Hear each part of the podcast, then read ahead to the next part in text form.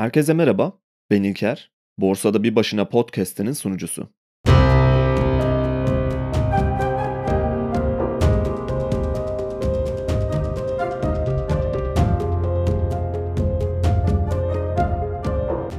Geçtiğimiz hafta kaldığım yerden devam etmek istiyorum bugün. Tabi bunun üzerine işin biraz daha çok mühendislik kısmından ve yapılması gerekenlerden konuşacağız. Ayrıca bu tarz büyük felaketlerde nasıl bir organizasyon olmalı biraz onlardan bahsederiz bugün. Tabi bunlar yalnızca bir kişisel bakış açısı. Deprem konusunda kısmen tecrübeli birinin görüşleri yalnızca hepsi. Bir de ilk defa bu bölümü dinleyenler için benim tavsiyem önce 39. bölümü dinleyip sonra buraya geçiş yapmaları olabilir. Çünkü o bölümün devamı olarak yapıyorum aslında. Tek bir bölümde toparlamayı düşünüyordum ama konuşmamız gereken çok fazla şey olduğunu fark ettim. O yüzden geçen hafta tek bölümde toparlayamadım konuyu maalesef. Tekrardan herkese geçmiş olsun. Yaralarımız hala çok taze ve uzun bir süre sarılacağı pek benzemiyor. Ama artık depremden sonra çıkartılacak dersler üzerine konuşmamız gerek. Tabi bunların hiçbir zaman uygulanacağını ya da dikkate alınacağını da hiç sanmıyorum. Yine de konuşmakta, paylaşmakta fayda var. Belki kimileri için sıkıcı gelebilir ama bazı şeyleri de es geçip devam etmek bana göre pek mümkün değil. Geçen hafta kaldığımız yerden devam edecek olursak önce biraz enkazlardan konuşmak gerekiyor. Özellikle böyle büyük felaketlerde yaşadığımız en büyük sıkıntılardan biri organizasyon ve bunu bir kere daha acı bir şekilde görmüş olduk. Yine önce Van'la karşılaştırmak istiyorum. Hemen hemen benzer manzaralara şahit olmak benim için çok üzücü oldu. Neredeyse hiçbir yol kat edememişiz bunca yıldır. Orada da yardım ekipleri çok geç gelmişlerdi maalesef ama bu son depreme göre yine de biraz daha hızlılardı. Tabi Van'da sadece bölgesel bir yıkım vardı. Bunu da düşünmek gerekiyor. Çünkü bu son yaşadığımız felakette 10 il ciddi bir şekilde etkilendi. Ve fakat arama kurtarma anlamında düşündüğümüzde bu tarz deprem felaketlerinde yanlış bir yol izlendiğini düşünüyorum ben. Bana göre ki eskiden bunu çoğunlukla Akut yapıyordu. O tarz arama kurtarma ekipleri çok daha doğal ortamlarda iş yapabiliyorlar ve deprem bunlardan biri değil. Bu ekipleri profesyonel ekipler olarak görüyoruz ama birçoğu enkaz konusunda tecrübeli değil bir kere.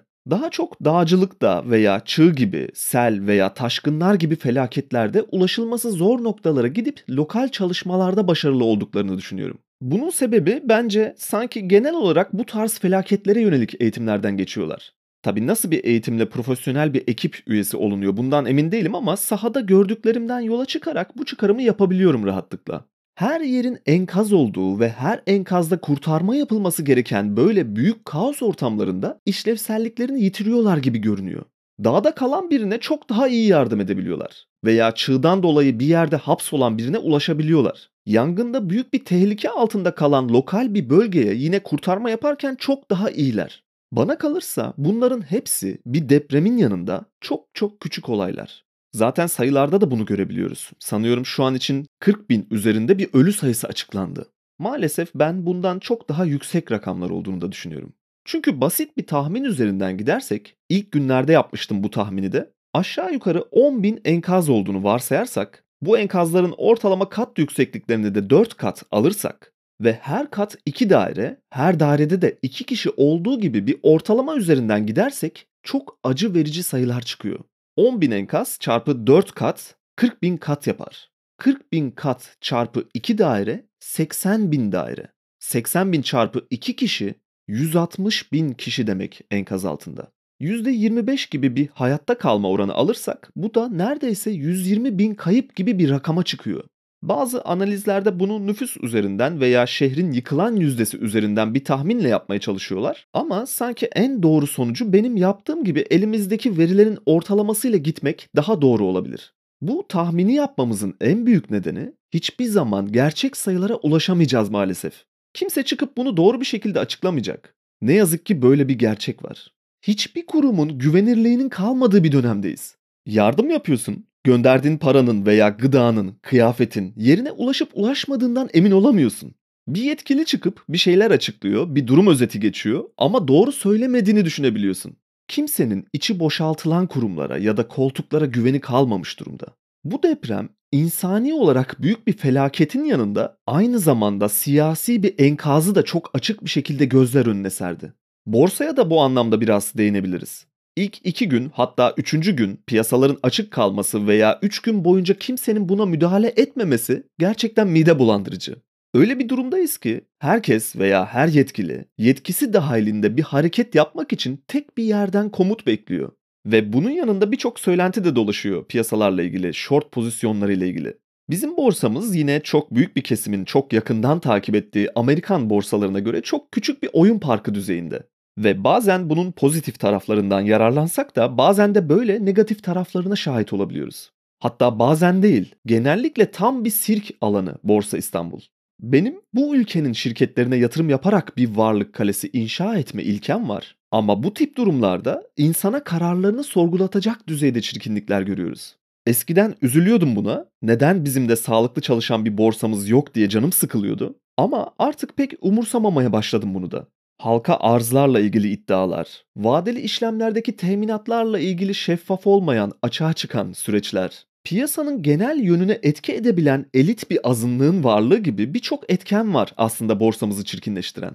Ve biz küçük yatırımcılar uzaktan bakıldığında veya geniş perspektiften düşündüğümüzde akbabaların artıklarıyla beslenmeye çalışan minik kırlangıçlar gibi görünüyoruz.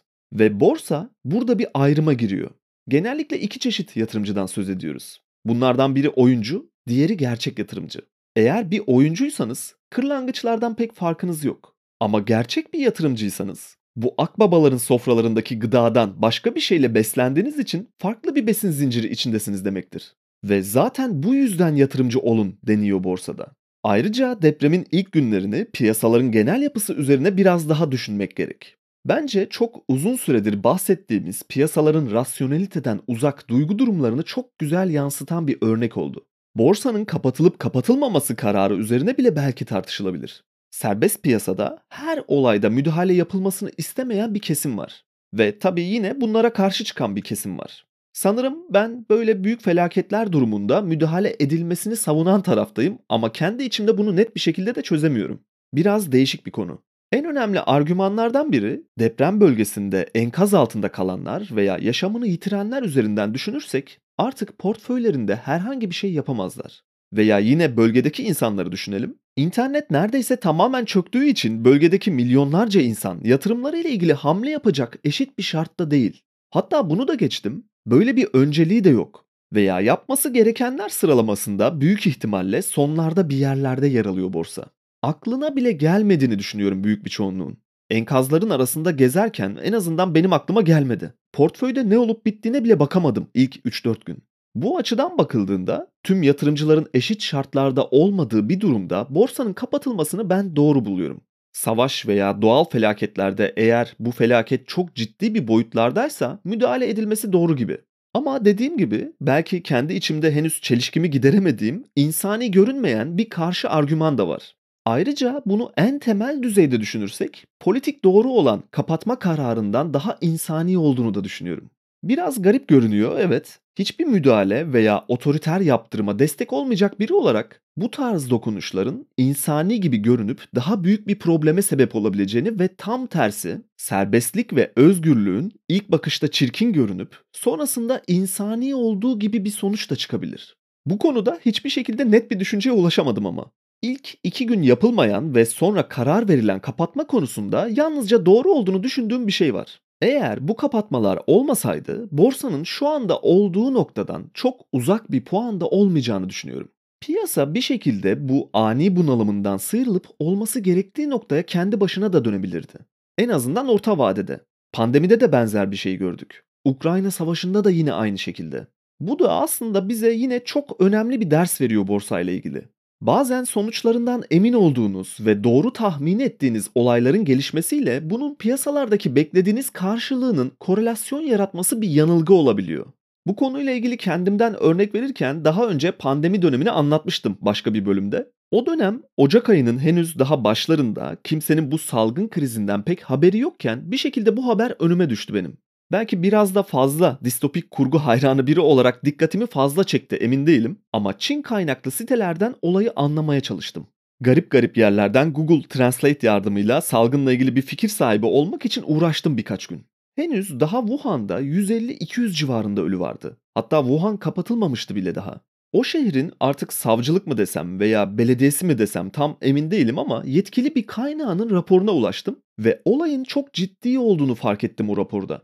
Tüm dünyanın aynı filmlerde gördüğümüz gibi distopik bir hale geleceğini düşündüm. Çevremdeki insanları uyardım. Planlar yaptım hatta dağlara falan kaçmayı düşünüyordum çok ciddi bir şekilde. Ve bununla ilişkili attığım bir adım olarak borsadaki tüm portföyü satıp nakite geçtim. Çünkü ölü sayıları her gün parabolik olarak artıyordu ve artık görüntüleri falan da görmeye başlamıştık Şubat ayının başlarında. Hayatın tamamen duracağını tahmin ediyordum. Borsaların hiçbir anlamı kalmayacaktı. Şirketler tamamen duracaktı. Öyle de oldu. Fakat doğru bir tahminde bulunsanız bile piyasalarda bunun karşılığının tahmin ettiğiniz gibi olmayabileceğini bilmeniz gerekiyor. O zaman öğrendim bunu. Ray Dalio'nun prensipleri bölümünde bahsettiğimiz onun da benzer bir şekilde herkesin karşısında durarak Amerika ekonomisinin resesyona gireceğini tahmin ettiği 80'lerdeki o olayı daha öncesinde bu kadar önemsememiştim ben. Çünkü sonucunu doğru tahmin ettiğiniz bir durumun piyasalardaki etkisini de otomatik olarak doğru yorumlamış oluyorsunuz gibi bir mantığın iş yaptığını düşünüyordum. Bir başkasının bu konudaki tecrübesini dinlemiş ve anlamış olsam bile bazı şeyleri insan kendi yaşamadıkça öğrenemiyor. Covid krizinde borsalar tahmin ettiğim gibi ilk panik anında 17-19 Mart tarihleri olması lazım. Çok ciddi bir şekilde düşüş yaşadı. İnsan bu tip durumlarda kibrinin kurbanı olabiliyor. Çünkü daha çok düşmesi gerektiğini düşünüyorsunuz. Fakat öyle olmadı.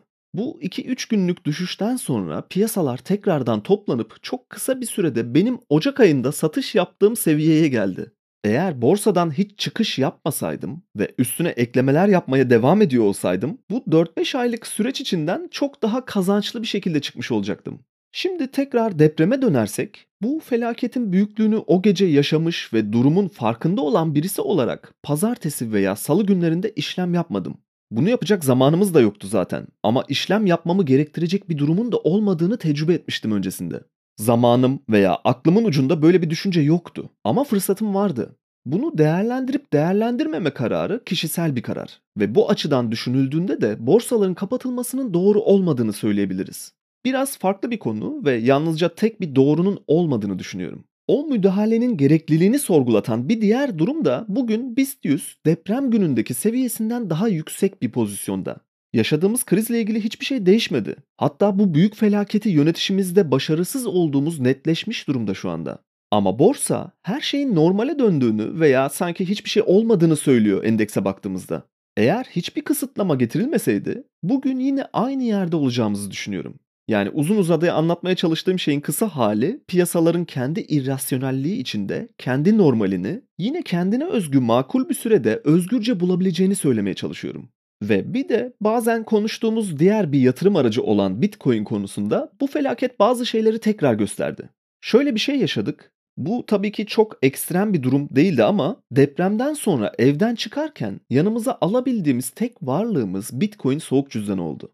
Bunun insana verdiği ayrı bir güven var. Borsadaki varlıklarımıza da zaten bir süre sonra hiç erişemeyeceğimizi fark etmek ama yanınızda 7/24 kullanıma açık Bitcoin'leriniz olduğunu bilmek insanı biraz rahatlatabiliyor. Belki çok geçici ve yine de küçük çaplı bir finansal kriz olarak değerlendirebiliriz depremi. Ama kimsenin müdahale edemeyeceği, yükte hafif, pahada ağır bir varlığı kolayca yanında taşıyabilmek bu tecrübeyi yaşamadan pek anlaşılacak bir şey değil. Ukraynalıların ülkelerinden çıkmak zorunda kaldıklarında yine Bitcoin'in otorite dışında sınır tanımaz kullanım kolaylığını fark edebilmiştik aslında. Belki çok ekstrem durumlar olarak görülebilir bunlar ama hayatın gerçekleri maalesef. Geçici olarak bir bankanın sistemlerinin çöktüğüne de bazen şahitlik ettik. Varlıklarınızın bir kısmını bu şekilde kolayca koruyabilmek ve yine kolayca taşıyabilmek bambaşka bir özgürlük sunuyor. İleride tekrar bir zaman sonra benzer bir durumda veya hatta çok daha ciddi bir durumda finansal anlamda kısıtlamalara maruz kalınmayacağının garantisi de yok. Bitcoin bu anlamda da bireysel bir sigorta görevi görüyor. Ve yine enkazlar altında insanların zinet eşyası olarak birikimlerinin yok olmasına tanık olduk. Belki tüm birikimlerini kaybetti insanlar, hayatlarını kurtarsalar bile. Bizim farklı noktalardaki gizli anahtarlarımız sebebiyle soğuk cüzdanımız enkaz altında kalsa dahi bu cüzdana erişim imkanımız var. Ve dediğim gibi çok ciddi bir birikiminizi kendinizi tehlikeli alanın dışına atmaya çalışırken çok basit bir şekilde cebinizde istediğiniz yere götürebilmek değişik bir duygu. Kişisel olarak değerlendirdiğimde Bitcoin tekrar ne kadar önemli bir varlık saklama aracı olduğunu bana bir kez daha kanıtlamış oldu bu depremle birlikte. Yatırım kısmını bir kenara bırakırsak Tekrar depreme dönmek istiyorum çünkü. Maraş'ta enkaz başında bir şeyler yapmaya çalışırken yeniden fark ettiğim bir şey oldu. Bu tip durumlarda profesyonel olduğunu sandığımız ama öyle olmadığını gördüğümüz arama kurtarma ekipleri dışında sektörün içinden insanların çalışmasını sağlamak bana çok daha doğru bir yöntem gibi geliyor. Madencilerin neler yapabildiğini bir kez daha gördük zaten. Hiçbir arama kurtarma ekibinin yapamadığı işleri yaptılar. Çünkü bununla ilgili teknik altyapıları var. Her gün benzer tehlikelerin içindeler. Sanıyorum ülkedeki yeraltı maden ocaklarını düşündüğümüzde binlerce maden işçisi var. Bu ekiplerin olayın ilk anında hemen öncelikli olarak bölgeye sevk edilmeleri gerekiyordu. Yine benzer bir şekilde inşaat çalışanlarının da bizim profesyonel sandığımız arama kurtarma ekiplerinden çok daha yararlı olacağını düşünüyorum. Çünkü enkaz alanı o içimizde hissettiğimiz büyük acıyı bir kenara bırakırsak devasa bir şantiye alanı gibi ve hiçbir koordinasyon yok. Zaten olamaz da bu şekilde bir kaosun içinde. Fakat eğer inşaat işçilerini ve şantiye mühendislerini bölgelere sevk etseydik ben bunun böyle olmayacağını düşünüyorum. Tamamen inşaat üzerine kurulmuş ekonomimizde ülkemizde devasa şantiyeler var. Ben de eskiden bunlardan bazılarında çalışma şansı bulmuştum. Büyük hastane inşaatları, barajlar veya hatta köprüler, santraller, bu tarz devasa alanlardaki çalışanlar her gün bu kaosun içinde.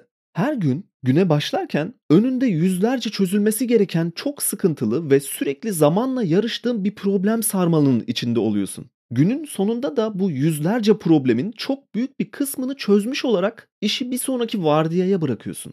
Fakat bizim arama kurtarma ekiplerimizin böyle bir tecrübesi yok. Bana kalırsa her enkaza bir şantiye alanı gibi yaklaşılmalıydı.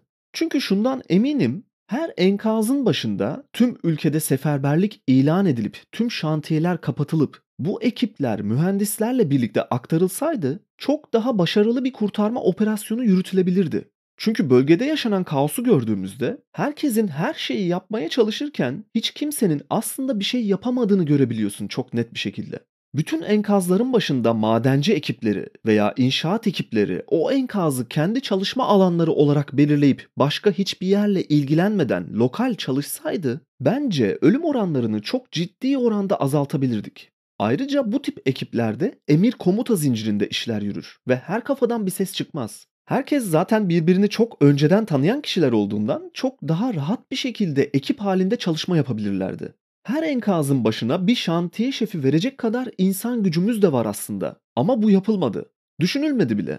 Halbuki bu iş tamamen bir inşaat problemi ve işi ehline vermemiz gerekiyordu. Hatta iddia ediyorum şantiyelerde insanlıktan çıkarak çalışan kalıpçılar, demirciler, bu şekilde bir enkaz paylaşımı yapılarak çalıştırılsaydı ilk 3 günde bütün enkazlar ayıklanıp içinden hem daha çok canlı çıkartılmış olurdu hem de ölülerine ulaşamayan insanların yasları daha hafifletilmiş olurdu. Parçalanmış ve tanınmaz hale gelmiş bedenlerden söz ediliyor. Çünkü düzgün bir çalışma yapılmadı. Benim hala aklım almıyor neden böyle bir şey kimsenin aklına gelmedi veya neden böyle bir yol izlenmedi anlayamıyorum. Ama tahmin edebiliyorum.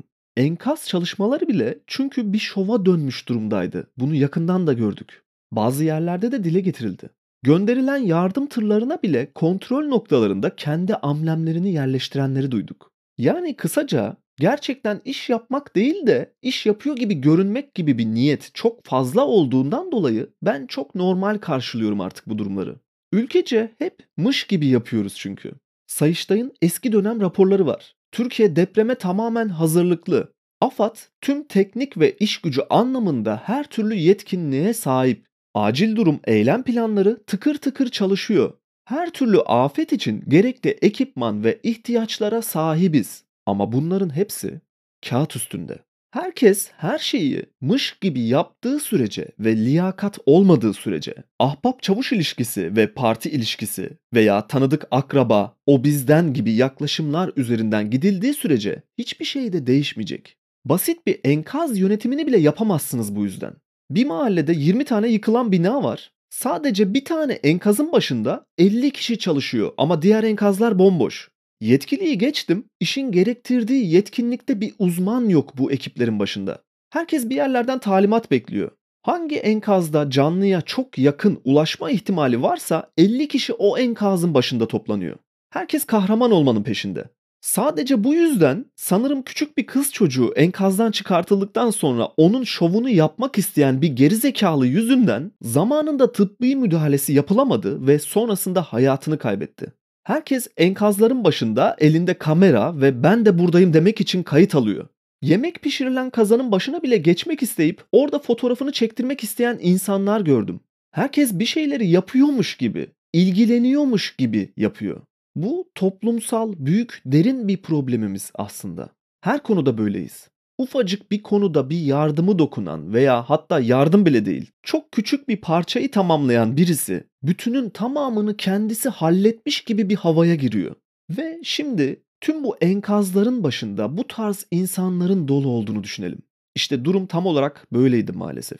Tabii ki istisnalar var. Madenciler gibi veya İstemir çalışanları gibi kurtarma ekipleri de vardı. Gerçekten çok ciddi çalıştılar bunlar. Fakat buradaki o küçük ayrıntı gerçek bir ekip olarak oraya gelmeleri. Toplama bir şekilde ve koordinasyonsuz olarak sadece orada bulunmak için gelenler bana göre yardımdan daha çok zararda bulundular. İnisiyatif kullanabilecek insan gücü kalmamış ülkede neredeyse. Onu fark ettim Maraş'ta.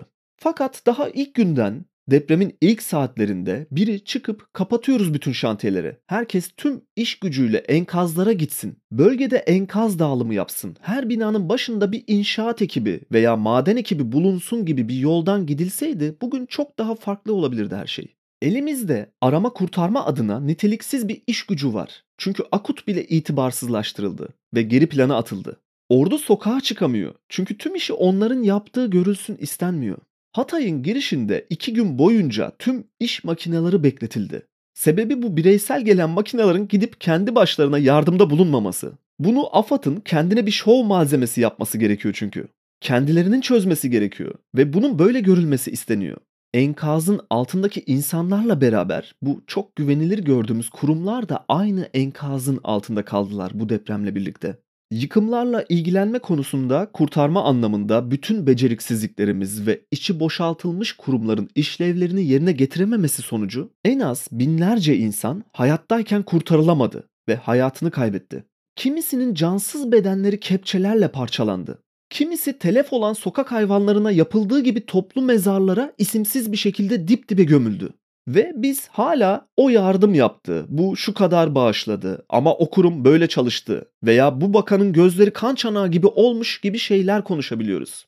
Biliyorum belki sadece bir yıl içinde haftanın bazı günlerinde ana haber bültenlerinde veya sosyal medyanın fenomen gazetecileri tarafından yalnızca bir iki dakikalık bir konuya dönüşecek bu deprem. Bambaşka konular konuşulmaya başlandı bile. Elbette hayat devam ediyor. Mutlaka konuşulacak başka şeyler de var. Ama hayatın durduğu bir olay karşısında sanki gerçekten önemsiyormuş gibi yapıp en kısa zamanda kaldığımız yerden devam etmeyelim lütfen. İçerik üreticileri de benzer bir şekilde hareket ediyor.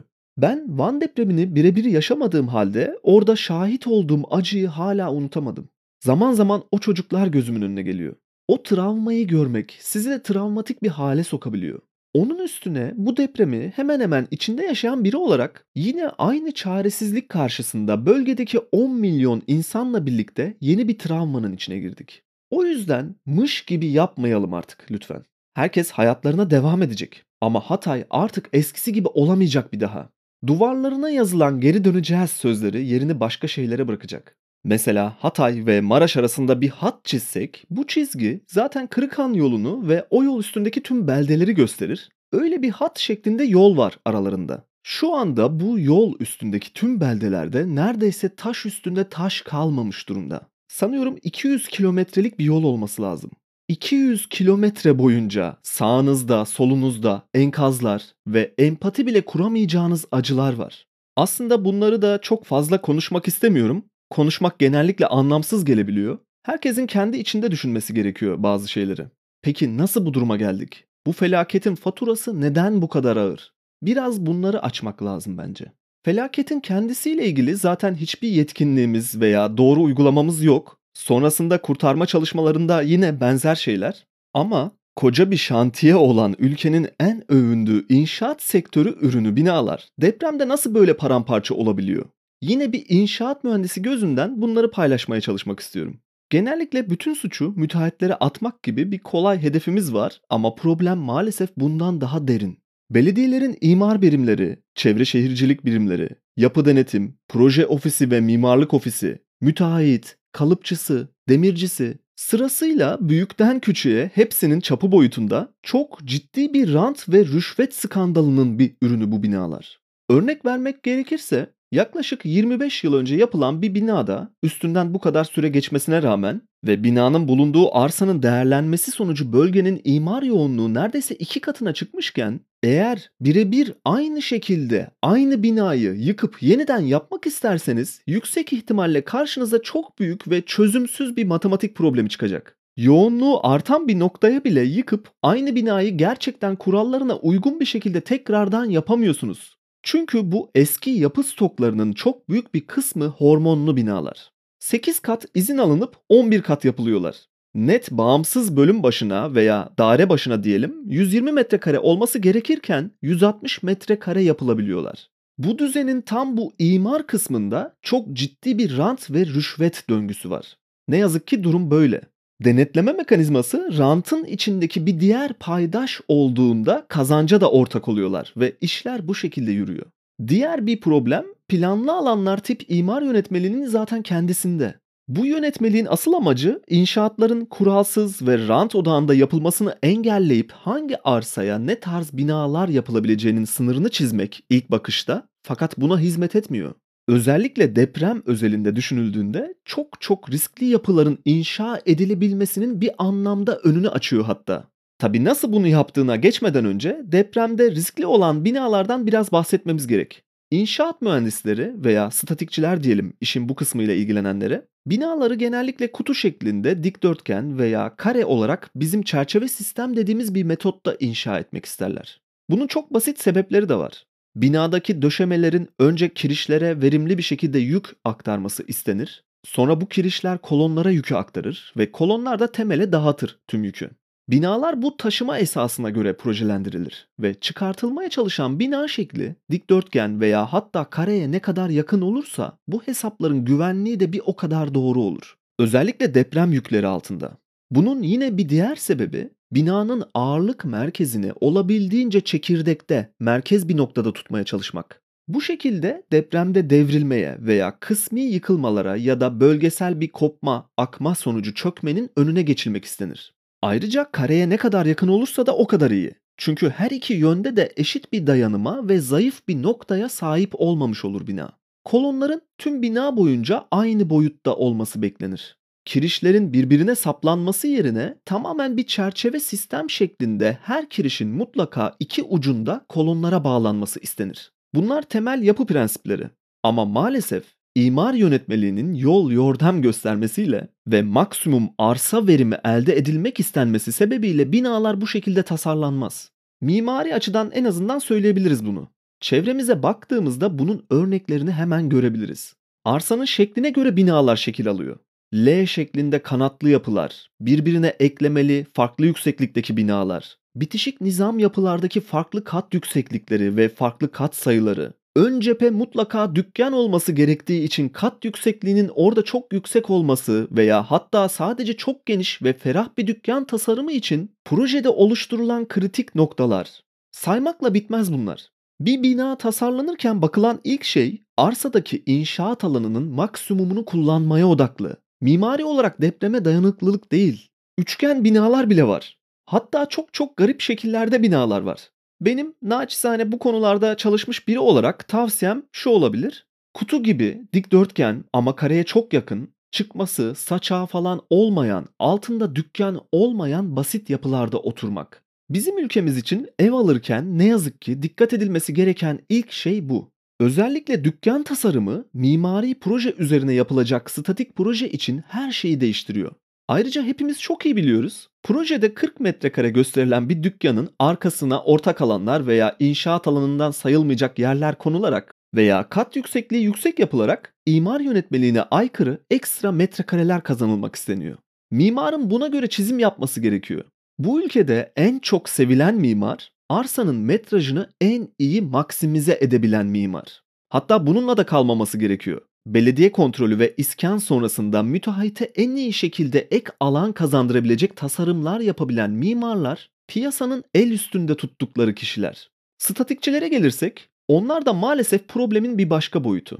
Bu ülkede müteahhitin aradığı veya piyasada iş yapabilen statik proje ofisi diyelim bunların ismine, en iyileri, en az demir ve en az beton çıkartanlar olarak gösteriliyor.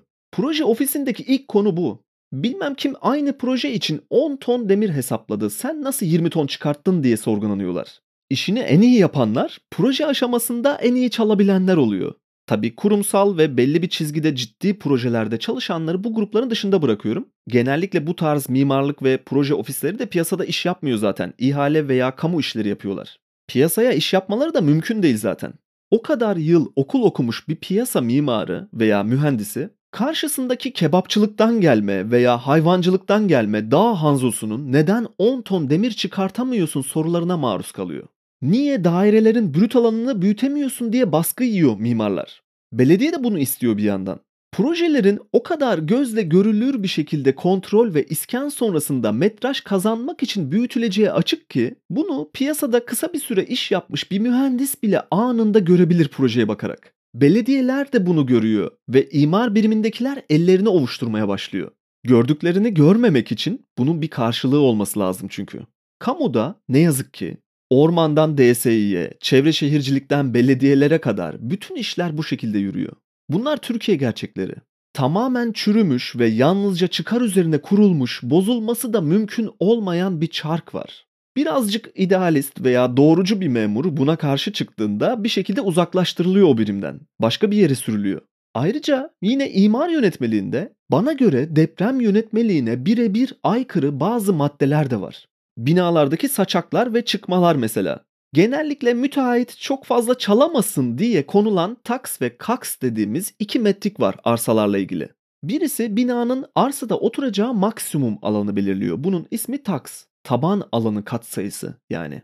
Diğeri de maksimum inşaat alanını belirliyor. O da kaks. Yönetmelik diyor ki sen maksimum 240 metrekare tabana oturtabilirsin binanı. Ama bodrumdan katlara çıktıktan sonra binayı çekme paylarına göre 3 metreye kadar çıkmalarla büyütebilirsin. Mimarların da en sevdiği dış cephe işlerinden bunlar. Çıkmalar, saçaklar, girintiler, çıkıntılar. Göze hoş görünmesi önemli çünkü. Daireyi sattıracak ve bölgesinde dikkat çekmesini sağlayacak ilk şey dış görünüşü. O yüzden böyle abidik gubidik şekillerde tasarlanan binalar ve imar yönetmeliğinin de teşvik etmesiyle Bodrum'dan sonra çok riskli ölçülerde çıkmalara izin verilmesi binanın tüm deprem davranışını etkiliyor. Ve bunlar en az konuşulan ama en önemli problemlerimizden biri. Tüm kamu kurumlarında işlerini çözdüren müteahhitlerin son durağı yapı denetim. Hatta bazen yapı denetimle ortak bir şekilde bu belediyelerdeki işler yürütülüyor. Yapı denetimde de benzer bir sistem var bu arada. Yıllar içinde bazı düzeltmeler yapılmaya çalışıldı fakat yapı denetim mevzusu inşaat sektöründe belki de en çok mış gibi yapılan alan. Tabi yapı laboratuvarlarını da unutmamak gerek. Bunlar da inşaatlardan numune alan grup. Kullanılan demir ve betonları alıp testler yapıyorlar ve malzemenin olması gerektiği kalitede olup olmadığını test ediyorlar. Mış gibi yapılıyor. Bir binada kullanılan herhangi bir kattaki bir beton diyelim ki C30 sınıfı olsun ve laboratuvar sonucunda bir alt sınıf C25 çıktığını düşünelim. Yapı laboratuvarları bunu kağıt üstünde elle düzeltip tabi ücreti karşılığında size bu hizmeti verebiliyor. Kağıt üstünde betonunuz sağlam görünüyor. Önemli olan da bu kağıt üstündeki zaten.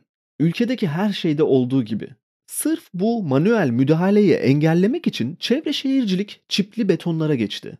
Beton numunelerinin içine çip atılmaya başlandı takip etmek için. Farklı numunelerin kullanılmasını engellemek için. Fakat laboratuvarlar bunun da yolunu buldu. Yetmedi, çevre şehircilik bu sefer numunelerin kırıldığı test preslerine kamera ve sisteme direkt bağlı kırımı otomatik kaydeden sonradan değiştirmeye izin vermeyen sistemler kurma zorunluluğu getirdi.